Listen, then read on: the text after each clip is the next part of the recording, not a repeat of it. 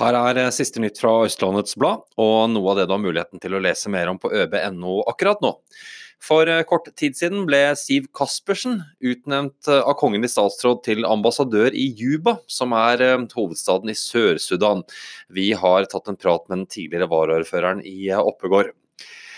Syv selskaper kjemper om å pusse opp Ustvedt bru, skiller tre millioner kroner mellom høyeste og laveste anbud. Aquaflis Ski gjør det skarpt etter flyttingen og vil ansette flere. Og apropos Oppegård-politikere som finner på noe nytt.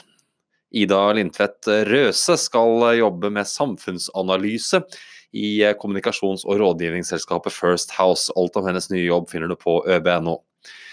Solveig Bugge Sveri har opplevd flere farlige situasjoner ved fotgjengerovergangen ved Rustad skole, og hun mener at lysregulering må til der. Stopp islamiseringen av Norge får holde stand i Ski sentrum lørdag 11. mai. Og hva som blir eh, skjebnen til grendehuset i Oppegård Skyd, ja, det skal drøftes på årsmøtet til Oppegård vel den 18. mars.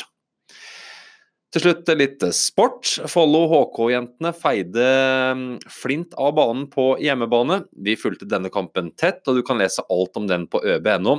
Også alt om gårsdagens herrekamp mellom Follo og Vålerenga.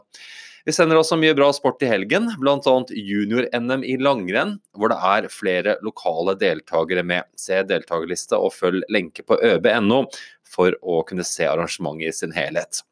Dette om mer til på våre nettsider i dag. Husk at det bare koster fem kroner å abonnere på ØB akkurat nå for fem uker. Hvis du ikke er abonnent allerede, følg lenke på forsiden vår for et spesialtilbud til deg som har lyst til å bli oppdatert på alt som skjer i Follo akkurat nå. Ha en fin dag!